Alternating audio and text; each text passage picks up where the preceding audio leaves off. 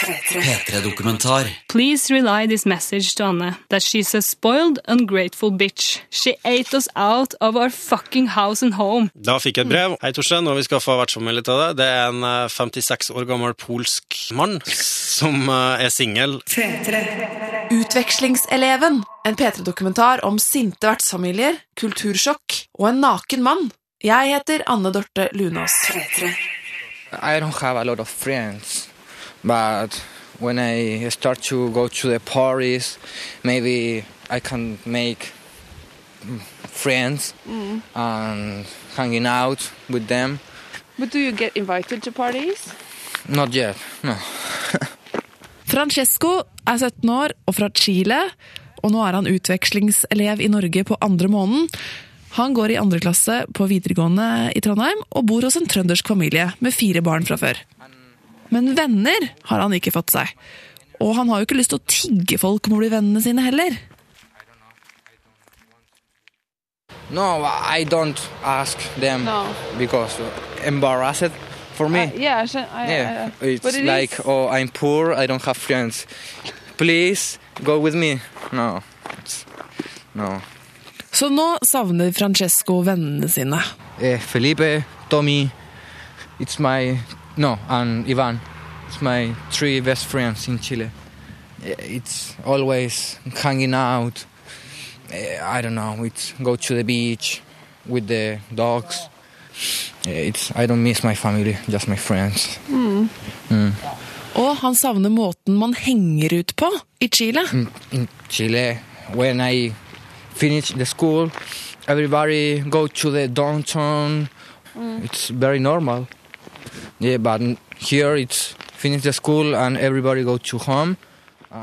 Dette er den klassiske utvekslingsstudenthistorien her i Norge. I starten er det dritvanskelig å få seg venner. Og så er det det med drikkinga som går igjen. Elever fra Tyskland og Belgia og Tsjekkia og sånn er eh, ikke så fremmede for det å drikke seg dritings allerede på ungdomsskolen, men er du en tenåring fra Kina eller Sør-Amerika, så får du deg et lite alkoholsjokk når du kommer til Norge. Will um, you get drunk at the parties? me? Yeah? No, I, I don't drink. I don't like. You don't drink at No, all? I don't like alcohol. No. If I if I drink and if I smoke, my energy is down, and I don't know. I don't want this.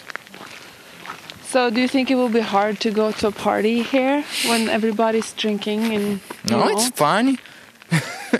Very fans, See the the people fall down and talking about I don't know God maybe. yeah, it's funny.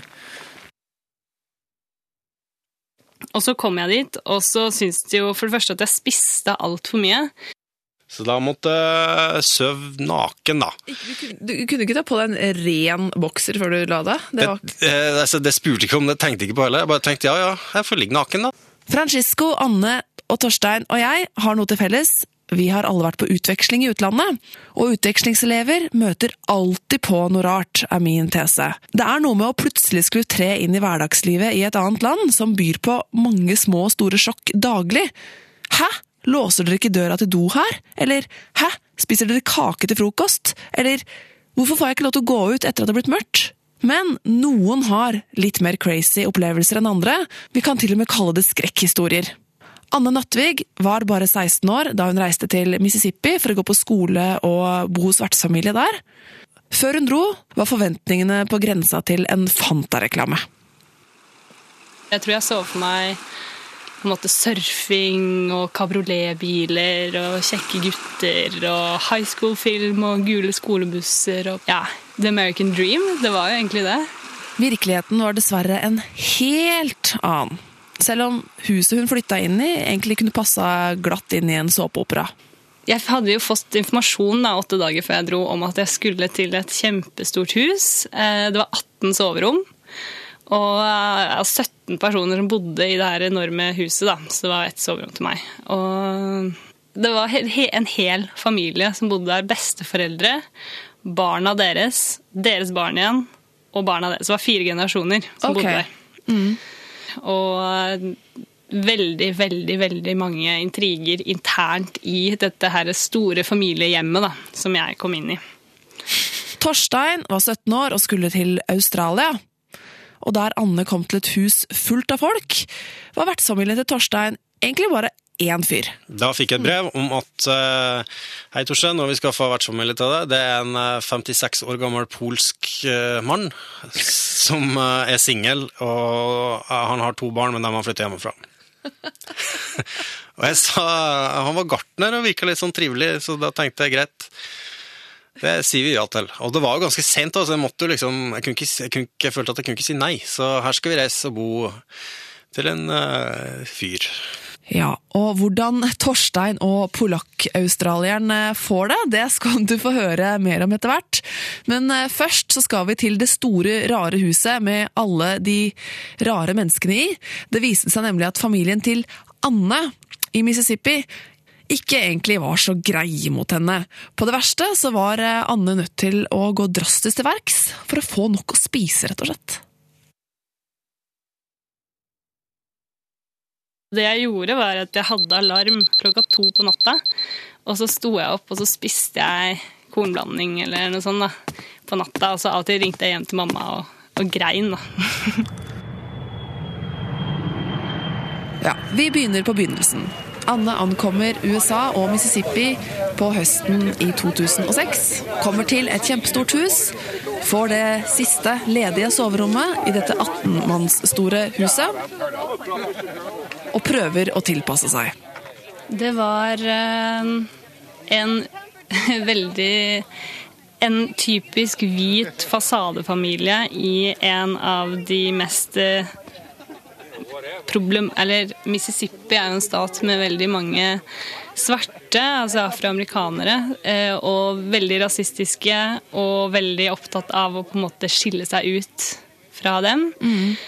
Så det var døtrene da, i den delen av huset der hvor jeg bodde. De hadde jo fått barn utenfor ekteskapet. Så mens de var gravide, begge to ble gravide når de var sånn 17 år, så måtte de gifte seg. Og øh, hun ene gifta seg da. Men så kom det fram at øh, sønnen, det var ikke sønnen til han hun hadde gifta seg med. Så da var hun en fraskilt alenemor på 20 år, var hun ene. Og hun andre var fortsatt i det her arrangerte ekteskapet. Men eh, mannen hennes, som også bodde i det store huset, han var jo, ja, han var jo alkoholiker og røyka pott eh, utenfor eh, i bakgården ved fontena der hver dag. Så det var på en måte sånn ja, skikkelig dårlig stemning. Og i den andre fløyen på huset, der hvor eh, den andre datteren bodde, hun var jo skilt, men mannen hennes bodde fortsatt i huset, og de hata hverandre. Og han hata også faren i min del av huset, så de kunne ikke møtes. Og besteforeldrene, de Jeg veit ikke. De så jeg liksom ikke noe til. Tenk deg at denne såpeoperaen er din nye familie, og at du er den alle misliker aller mest. de hadde egentlig ikke lyst til at jeg skulle være der.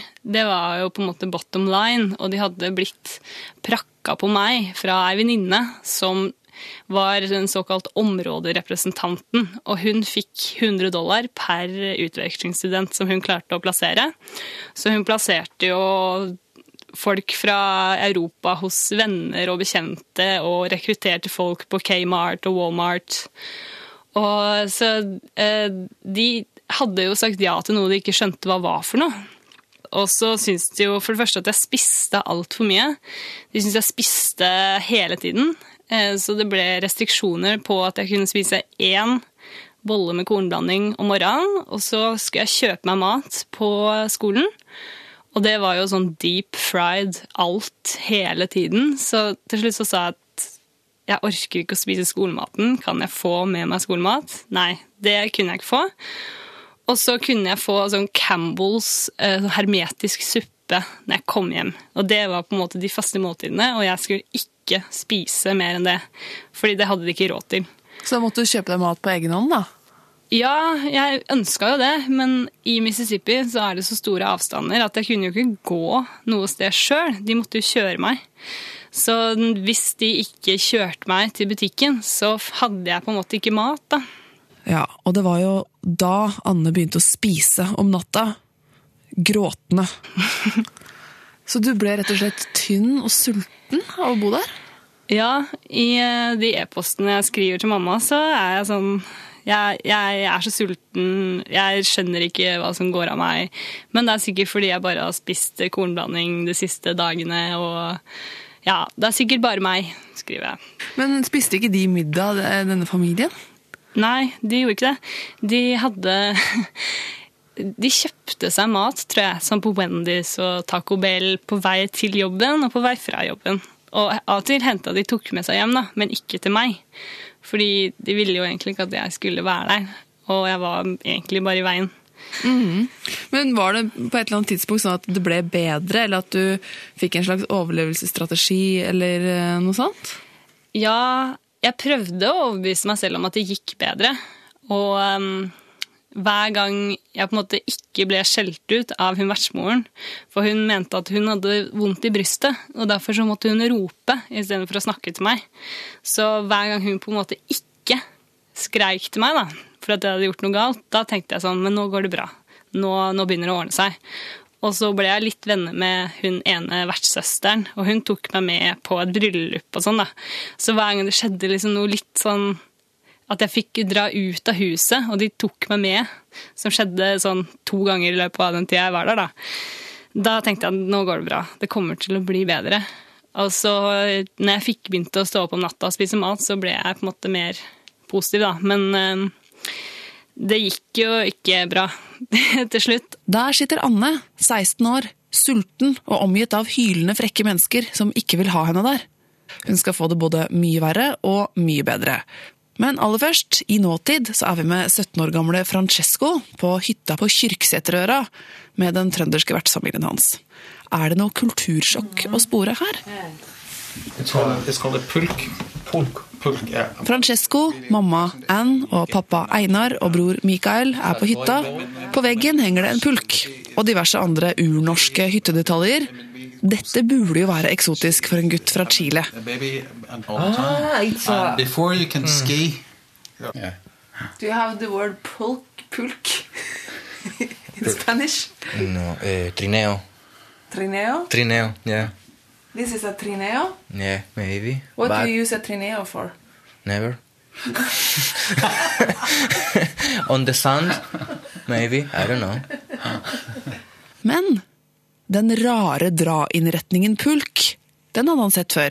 Det han derimot aldri hadde sett før han kom til Norge, det er noe som ingen av oss ville tenke på som eksotisk.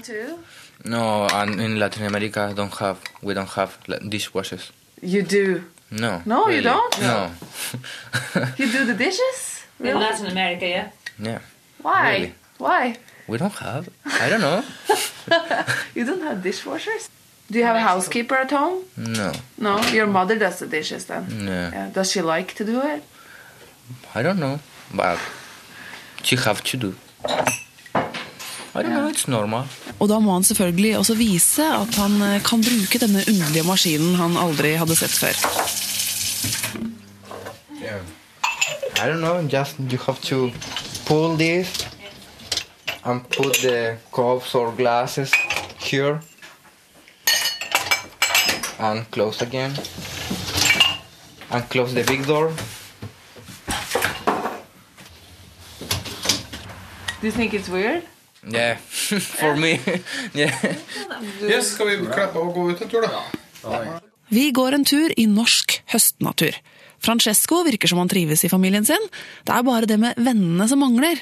Snart kommer dog vertssøster Solveig på besøk med åtte venninner. Og det gleder han seg kanskje til. Klisjeen om latinamerikanske gutter er jo at de er glad i kvinner, og at de ikke legger skjul på det heller. Yeah, it's yeah, amazing.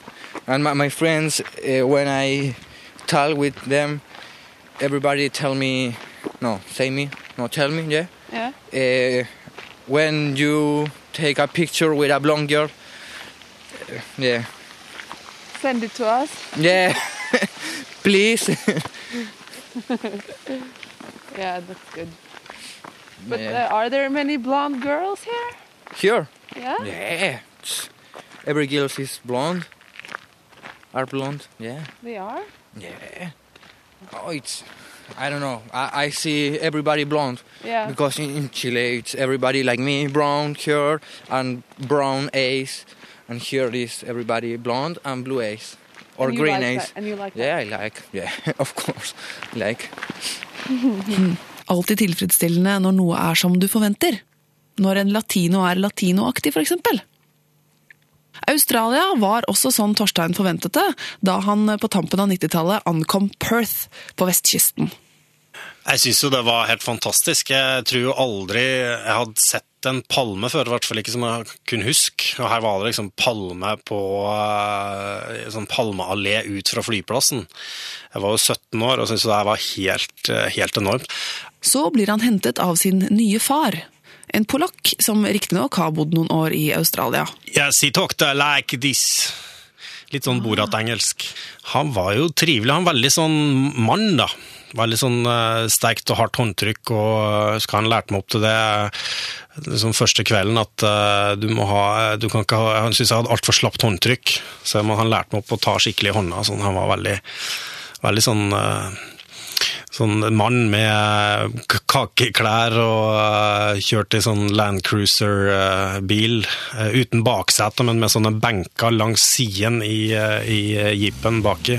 Omtrent som du var på, skulle på militærtur. De to kjører til Torsteins nye hjem. Det var jo et sånt fint lite murhus som jeg hadde sett for meg. Det er egentlig en veldig fin hage. Han var jo gartner, han fyren her, så han hadde jo en flott hage. Bugnende med masse frukter og druer og ananas vokste opp av av jorda og alt mulig sånt, så sånn sett var det jo veldig bra. Oi. Men han var jo, det tok meg jo ikke mange timene før jeg skjønte at han var en uh, pussig fyr. Det var jo, Han lista jo opp uh, reglene for, uh, for meg, da, for hvordan han ville at jeg skulle oppføre meg. Uh, på første kvelden, og da sa han There are two rules. I do not want to see you drunk. Da tenkte jeg greit, jeg skal ikke drikke meg full, så det går helt fint. And I uh, do not want you to sleep with your underwear in my sheets. I do not tolerate dirty underwear in my sheets. Did you bring your pyjamas? Uh, og da, på det spørsmålet måtte jo svare nei. Jeg har ikke tatt med meg pysjamas til et av verdens varmeste land. Then you sleep naked. Så da måtte jeg sove naken, da. Ja, man prøver å tilpasse seg her. Det skal ikke stå på innsatsen fra unge Torstein. Han er fortsatt innstilt på at dette skal bli enormt kult, og vil ikke la litt rare regler stå i veien. Et par dager, En middag et par dager etterpå var jo sånn jeg satt og spiste, og han, han spiste opp maten sin før meg og satt og så på meg i, i bar overkropp, husker jeg, med armene i kors over brystet. Satt og vurderte meg, og så spurte han um, Did your parents ever want you to be a girl? Because you look like a girl sometimes. When you eat and when you walk. Jeg tenkte at det var veldig spesielt. Og jeg ble litt sånn nesten litt sånn såra. Du kan ikke si det at det ser ut som en jente når du sitter og spiser. Var det sånn det skulle være å bo med polske menn i Australia? Er det greit at Torstein reagerer, eller har han bare kultursjokk? Det Det ble jo bare rarere og rarere. Og jeg husker jo etter hvert så hadde vi jo sånn Vi hadde jo nesten ikke noe forhold. Jeg var liksom hjemme og kom hjem etter skolen og gjorde lekser eller sånne ting. Og så spist, fikk middag, og så var jeg ute til langt på kveld og kom hjem og la meg naken i senga. og en sånn ettermiddag da, etter å ha bodd der kanskje en måneds tid å sitte med ryggen til døra inne på kjøkkenet og, og gjøre noen lekser eller skrive brev hjem eller det var et eller annet jeg var opptatt med, i hvert fall. Så kom han inn og skulle lage middag og begynte å styre med noen kasseroller. og sånn da. Jeg lurte på om jeg ville ha stekte eller kokte poteter. Do you want boiled or fried potatoes? Så sa jeg nei, det er det samme for meg. Do you want boiled or fried potatoes? Uh, ja, da sa jeg at det, det er faktisk det samme, og så snudde jeg meg liksom for å, for å bare understreke at det var det samme. Da snur jeg meg, så ble jeg stum, for da så jeg rett inn i en naken uh, mannsperson som sto da med rumpa til meg ved kjøkkenbenken og styra med noen kasseroller. Uh, og da ble jeg litt paff, men det ble enda verre da han snudde seg, for han var jo ikke en Han var ikke veldig, veldig høy, eh, men han hadde eh, likevel altså Han hadde ikke lange bein, eller noe sånt, men når han snudde seg, så var det sånn at, eh, at penisen hans den var så lang at den gikk ned til knærne. det er jo det er sånn jeg husker det nå, og det er eh, mulig litt overdrevet, men ikke veldig mye. Det var enormt, eh, og jeg, jeg, ble helt, helt stum. Og han sier da uh, Do you think it's strange that I walk around naked? Jeg fikk jo stamma fram ja, det syns jeg er rart. But you can do it too if you like. Oi. Og, og da Ja, da, det, det, var på, på, mange måter dråpen, men den bodde der en stund til. Altså. Var, og han prøvde seg, jeg må bare understreke, det var aldri noe sånn at han prøvde på noe, noen ting som helst av uh, ulumskheter. Men uh, jeg begynte nok å jobbe litt aktivt for å finne meg et annet sted å bo. Torstein og Anne er nå samme sted i prosessen. De har fått nok av sine respektive vertsfamilier. Torstein er satt ut av nakenhet. Anne er sulten og forhatt. Men samtidig, i sin ensomhet, så lurer Anne fortsatt på om det kanskje er henne det er noe galt med. Hvor mye på en skala fra én til ti lengta du hjem? Jeg tror jeg må si ti. Det var skikkelig, skikkelig skikkelig kjipt. Jeg grein og Og så fikk jo en så dårlig samvittighet òg, for det koster jo ganske mye penger å dra. Og så hadde jo jeg, det var jo jeg som ville det, og hadde på en måte trumfa gjennom at det her klarer jeg kjempebra. Og så kom jeg fram, og så er det på en måte jeg, jeg visste ikke om det var meg eller om det var familien. da, Det var bare jeg som ikke takla å, å være borte fra vennene mine og familien min, for det hadde jeg jo ikke vært så lenge før. Så, men jeg har jo ettertid sett, og underveis også, at det var jo Det var ikke bare meg. Det var, det var noe med stedet òg. Og da begynte jeg å planlegge min fluktrute. Altså at jeg skulle flykte, eller flykte Jeg skulle jeg fikk avtalt med fetteren til faren min om at jeg kunne komme og bo i California. Eh, og det skjønte jeg etter to måneder, at det å fortsette å bo i Mississippi, det er ikke mulig. Så da fikk jeg ordna det sånn, og jeg skulle dra dit. Men det her fortalte jeg jo ikke til familien, for da hadde de kommet til å bli skikkelig forbanna. Så det turte jeg ikke å si. For vertsfamilien til Anne var riktignok ikke så veldig glad i henne, men de ville ikke bli ditcha heller. Det ble gærent uansett hva Anne gjorde. De var ute etter henne. Det som skjedde, var at eh, de fant ut at jeg skulle dra. De var jo allerede en av verdens verste vertsfamilier, men Enda verre ble det da de snoka i mailen til Anne. Hun hadde jo skrevet en god del sørgelige mails hjem til mor og far i Norge på familiens datamaskin. Og noen i vertsfamilien hadde fått åpnet mailene Anne hadde sendt hjem, og printet dem ut. Nå var de mildt sagt ute etter henne. Jeg, jeg, tror de mistenkte meg. De var på en måte sånn uh, Altså, de likte meg jo ikke. Altså, Hvis de skulle finne noe å ta meg på, så kunne de i hvert fall finne det der. Og da hadde de gått rundt og spurt alle, alle de andre norske utvekslingsstudentene først om de ville oversette. Og så hadde de slutt klart å finne en svensk fyr. Og fått han til å oversette mine e-poster, da. Um, så de fikk uh, oversatt uh, e-postene, og da var jeg hos en venninne, og så ringte de, og så var det sånn Du skal ut herfra nå. Vi kommer og henter deg, du pakker bagene dine, og så kommer du deg til helvete ut fra vårt hus. Herregud. I disse e-postene hadde jo Anne skrevet at hun var sulten, at hun mistrivdes, at hun ble hylt til og kjefta på, og hun hadde nok ikke beskrevet det i helt nøytrale ord heller. Alt dette innholdet formidlet nå den svikerske svenske utvekslingseleven til vertsfamilien hennes. Og det var nå Annes år i USA skrapa bunnen? jeg tror det absolutte bunnpunktet var når jeg sto og pakka bagene mine for å komme meg Eller når etter jeg hadde blitt kasta ut av huset i Mississippi, og familien på en måte sto over meg og sa at jeg var et helt ubrukelig menneske, og at jeg var en heks, og at eh, det var ikke rart at eh, jeg aldri kom til å få meg noen venner så slem som jeg var. og ja, da var det Det var en ganske absurd eh, situasjon.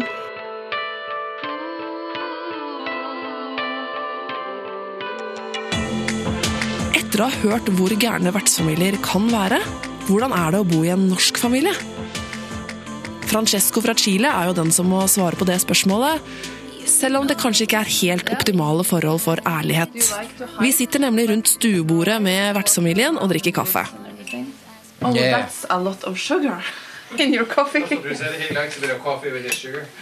It's, it's normal. It's four spoons. Five. Five spoons.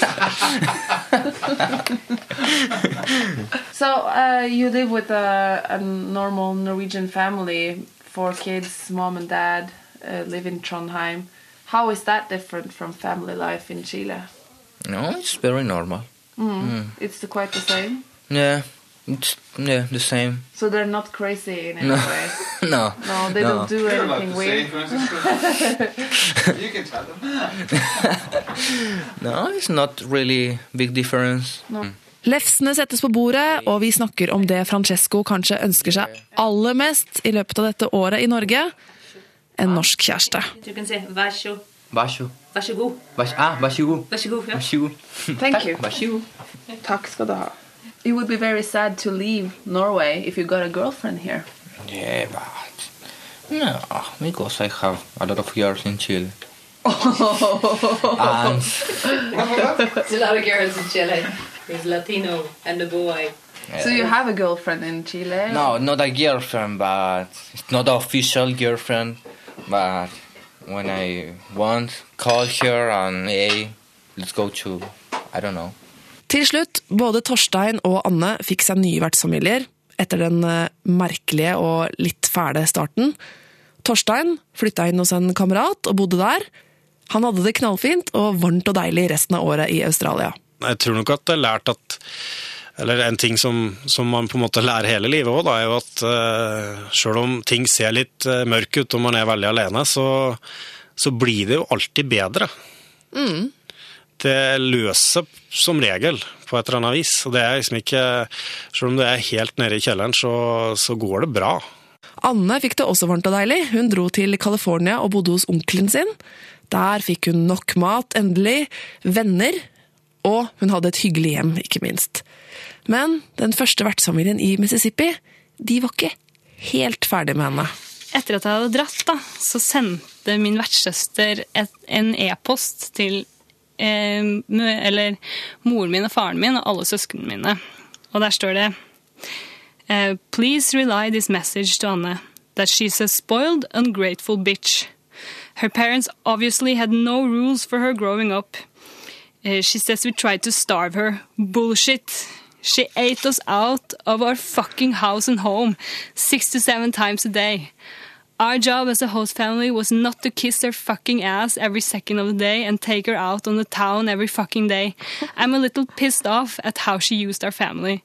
I just never got the chance to tell her all of this before we kicked her out. P3-dokumentar søndag klokka ni på P3 og når du vil på p3.no. P3.